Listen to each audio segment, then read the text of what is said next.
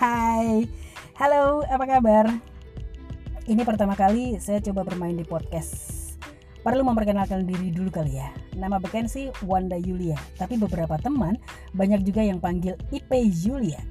Gak perlu diceritain kan kenapa banyak sekali nama yang melekat. Yang penting saat ini melalui podcast terutama saya pengen berbagi banyak hal tentang broadcast tentang tulis menulis atau apa pun yang punya manfaat untuk diduplikasikan. Public speaking juga bisa loh ya. Harapan saya melalui media ini saya akan lebih banyak berbagi dan juga sharing ilmu yang selama ini saya dapatkan. Oke, okay, next kita ketemu lagi.